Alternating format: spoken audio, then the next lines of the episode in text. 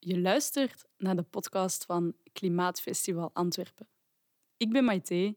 En ik ben Julia. We noemen onze maatschappij ook wel eens een consumptiemaatschappij.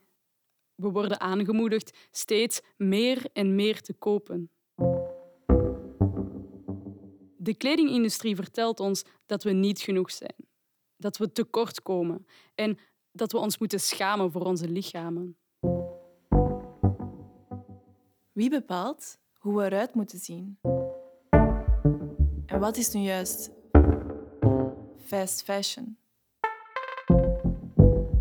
Kan mindfulness ons helpen om anders te consumeren? En brengt dit anders consumeren ons dichter bij een groenere wereld? In deze aflevering heeft Binoé het over mode, lichamelijkheid en mindfulness.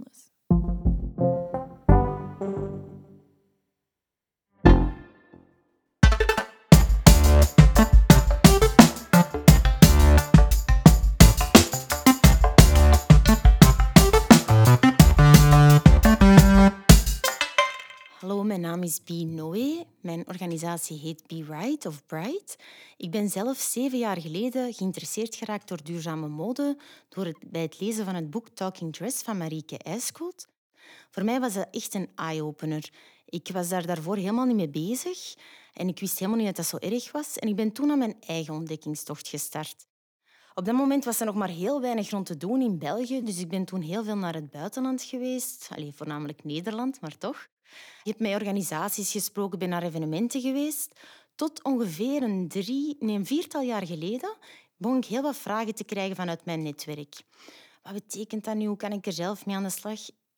En dan heb ik gezegd, ik zal een tour opstarten. En die tours die doe ik nog altijd. Duurzame modetours zijn steeds een combinatie van een inspiratiesessie. Wat zijn de uitdagingen, maar vooral ook de opportuniteiten op vlak van duurzame mode? Om mensen echt mee te nemen van dit kan ook voor jullie. Ik wil echt het duurzame modeverhaal starten vanuit de leefwereld van mensen. Hen laten beslissen wat kan dit voor mij betekenen, zodat ze daarna zin krijgen om hun eigen duurzame modeverhaal te creëren. Dat vind ik heel belangrijk. Daarna ben ik gestart met, met lezingen, met workshops. En nu, tijdens corona, heb ik ook de eerste keer een online gegeven gestart. Ik heb een 30 Days Wardrobe Challenge georganiseerd. Dat was helemaal vanuit de, de leefwereld van mensen en dat werkte heel goed. Wat zegt uw kleerkast over jou? Um, we starten natuurlijk met tips over stijl, maar ook even over body positivity. Dat vind ik heel belangrijk. Mindful fashion kwam daar ook in aan bod en daar wil ik het eigenlijk vandaag over hebben. Want vandaag zitten we nog steeds in een fast fashion. Wat is dat nu eigenlijk, die fast fashion? Fast fashion is eigenlijk een industrie die ons zoveel mogelijk kleren wilt laten kopen. En die kleren zijn echt van heel slechte kwaliteit, dus we kunnen die ook helemaal niet lang bijhouden. En we worden heel de tijd gestimuleerd om nieuwe kleren te kopen, omdat we er niet goed uitzien, omdat we op iemand anders zouden trekken. Dus fast fashion speelt echt in op onze tekortkomingen. Of op de tekortkomingen die ze ons willen laten geloven dat wij hebben. Want van jongs af aan worden we gezegd dat we eigenlijk niet goed zijn. Ja, dat gebeurt niet altijd op een bewust niveau. Of de mensen die ons dat zeggen, die bedoelen dat vaak helemaal niet zo. Denk maar aan uw mama die niet mee gaat zwemmen, omdat ze zich niet goed voelt in haar badpak. Of uw mama die haar een buik intrekt. Of misschien toch ook tegen jou zegt dat dat misschien beter is om dat te doen. Op zo'n momenten krijgen we de boodschap, ons lichaam is niet goed hoe dat het is. Zelf heb ik dat voor de eerste keer beseft als ik twaalf jaar was. Ik had een pigmentloze haarvlek en op een gegeven moment ben ik daarmee opgestaan en ik dacht eerst, ah, dat is van het schilderen van mijn kamer. Uh, maar nadat dat een paar wasbeurten er niet uitging, ja, dat besefte ik van, oh nee, dat is er gewoon. En ik, ik wist echt niet wat ik daarmee moest doen. Ik begon dat kort te knippen en op een avond kwam ik bij een kapper en uh, ja, die had een hele slechte dag. En die was boos dat ik dat kort had geknipt. En die zei, ja, dat is een uh, pigmentloze haarvlek en dat gaat altijd zo zijn en je kan daar niks aan doen. En ja, als twaalfjarige was dat eigenlijk echt wel een traumatische ervaring. Ik heb dat jaren echt uh, gedacht van, oh, er is iets mis met mij. Tot op 16-jarige dan kwam ik bij een hippekapper en die vond dat fantastisch en die wou dat zo knippen dat je dat kon zien. En uiteindelijk begonnen mensen zelf allemaal hun haar te kleuren met mesjes en zo en werd dat eigenlijk een trend. Gewoon om te laten zien van wat wij als schoonheidsideaal ook beschouwen, dat is iets niet vaststaand, hè, dat evolueert. En je moet je eigenlijk nooit laten aanpraten hoe dat je eruit moet zien. Hetzelfde als 12-jarige. Ik heb wel wat van die ervaringen. Ik had lichaamsstreamen. Hè. Ook daar werd van gezegd, ah, ja, dat is heel uitzonderlijk dat je dat hebt. En allee, dat is zo straf op 12 jaar. Terwijl ik jaren later ook ontdekte dat meer vrouwen dat wel of niet hebben. Maar als je 12 bent, heeft dat wel een impact. Maar daar stopte het niet. Ook als ik ja, in begin twintig of zo kreeg ik van een, een een heel toffe vrouw, maar ook te horen van ja, je bent eigenlijk wel een mooie vrouw, maar ja, je zou toch je wenkbrauwen, je zou er toch wel iets aan kunnen veranderen. En zo gebeurt dat eigenlijk soms heel goed bedoeld door onze omgeving, soms ook door vriendinnen.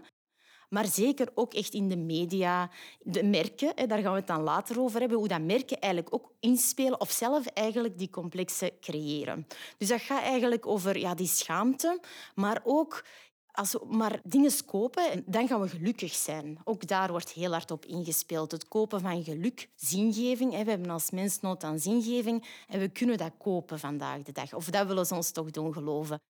Dus de fast fashion wil ons laten geloven dat we het perfecte lichaam kunnen kopen. Of het perfecte lichaam dat zij zeggen dat wij moeten hebben. Maar bovendien zeggen ze ook dat we ons geluk kunnen kopen eigenlijk de enige persoon die kan bepalen hoe dat je eruit moet zien, dat ben je eigenlijk zelf. Dat is waar ik sterk in geloof. Dus ja, die body positivity, dat is dan eigenlijk een beetje het tegenstelde aan die body shaming, is eigenlijk vertrekken van mijn lichaam is goed hoe dat het is. Um, dat betekent niet dat, dat je alles leuk vindt aan je lichaam. Ik denk dat iedereen dingen heeft dat hij misschien anders zou willen. Zo is ook het leven. Soms wil je ook gewoon andere dingen in je leven toekoor. Het leven is niet perfect. Maar het gaat er meer om van ja, dat omarmen van het feit dat je dat niet zo leuk vindt, dat ding. Bijvoorbeeld een buik of de stream op je billen. Soms je buik kan misschien ook zijn omdat je een paar heel mooie kinderen op de wereld hebt gezet. Dus dan is dat ook heel normaal. En dan vind je dat misschien niet alle dagen even leuk, maar dat is best oké. Iedereen heeft ook zoiets. Dus ja, dat zit eigenlijk in, die, in mindfulness, is eigenlijk in dat moment blijven, die aandacht van oké, ik voel mij niet goed. Ook dat niet weg te duwen, want dat gevoel is er gewoon, maar dat is oké. En daaraan gekoppeld is eigenlijk ja, een onderdeel van mindfulness is self-compassion. En daarin zit eigenlijk ja, die aandacht van ik blijf in dat moment, ik voel mij niet goed, maar dat is oké. Ik kom dat en in de basis ben ik goed. Body positivity is echt het omarmen van jezelf met al je tekortkomingen. En dat sluit eigenlijk heel mooi aan bij self-compassion. Ik laat mijn zelfliefde niet bepalen door hoe ik mij op één moment voel, maar ook een stapje verder, dus die vriendelijkheid. Dat is een ander onderdeel van die self-compassion. En die vriendelijkheid komt ook voort uit de gedeelde mensheid. Van, wij hebben allemaal momenten dat we ons niet goed voelen. En door te beseffen, ik ben niet de enige die een stream heeft, of ik ben niet de enige die misschien een, een pigmentloze vlek, haarvlek heeft, dan voel je dat je er niet alleen in. En uh, verbinding is iets heel belangrijk voor mensen. Dus dat zijn andere dingen. Dus die, die shared humanness. Uh, die verbinding die daaruit voortvloeit, dat is heel belangrijk voor mensen. En ik denk, in eerste instantie is het altijd een verbinding met jezelf. Jezelf graag zien, verbinden met jezelf, ook met de mindere kantjes, als het om uiterlijk gaat of gewoon over je karakter. Iedereen heeft die kantjes. Maar ook vervolgens die verbinding met die andere personen. Dus, en uit die verbinding ook zingeving gaan halen. Dus mensen die uh, meer mindful zijn, die ook minder nood hebben aan het consumeren van dingen om hun geluk te zoeken. Omdat die meer op hun interne wereld eigenlijk gericht zijn. Bijvoorbeeld ook meer gaan bezig zijn rond zelfontplooiing maar vervolgens ook meer bezig gaan zijn met die verbinding. Dus met, die gaan in hun community bezig zijn, die gaan misschien vrijwilligerswerk doen en daar eigenlijk die zingeving en hun geluk zoeken en niet meer in dat kopen. En dat is iets, je ziet dat, ik denk dat ook heel wat andere inspirerende sprekers hier gaan zitten, over die grassroots bewegingen bezig zijn die ontstaan en waar mensen samen dingen uit de grond stampen en daar ook heel veel plezier en, en zin uit halen.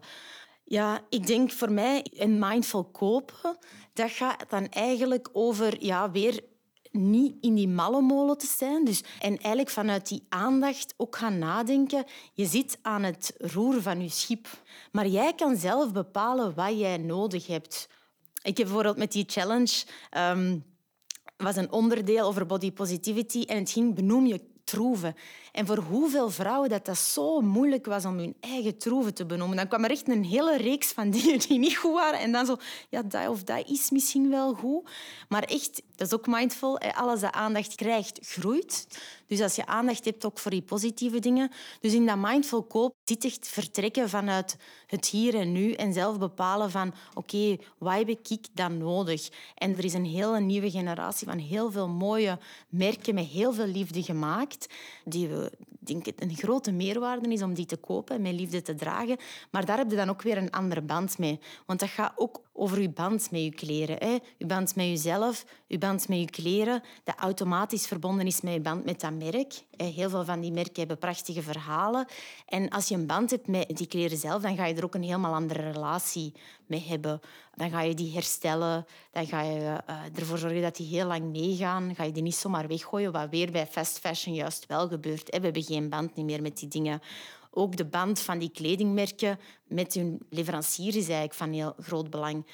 Vandaag zeggen fast fashion merken vaak ja, maar we wisten het niet. En, uh, ze, hebben, maar ze, ze hebben geen vaste relaties met hun leveranciers. Maar dat doen ze eigenlijk expres om ook niet verantwoordelijk te zijn. Maar als ze wel die band zouden aangaan en als mensen dat ook alsmaar meer gaan eisen, want die gaan zeggen wij willen dat onze kleren met respect worden gemaakt, um, in goede omstandigheden voor de mensen, maar ook voor onze planeet, dan gaat dat echt allez, beginnen shiften. Of het is gestart met shiften en dat moet eigenlijk nog veel meer gebeuren.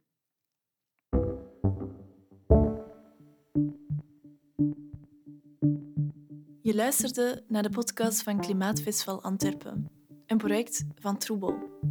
Bedankt om te luisteren. We maakten ook videotutorials. Wil je graag leren hoe je plantaardige melk maakt of je kleren herstelt? Bekijk dan zeker onze videotutorials. Die kan je vinden op www.klimaatfestivalantwerpen.be. Deze podcast is opgenomen in muziekstudio De Kiem. Productie, muziek en opname door Kaat Schilds. Beeld door designstudio Catapult. Dank aan 1111 en de burgerbegroting van het district Antwerpen om deze podcast mee mogelijk te maken.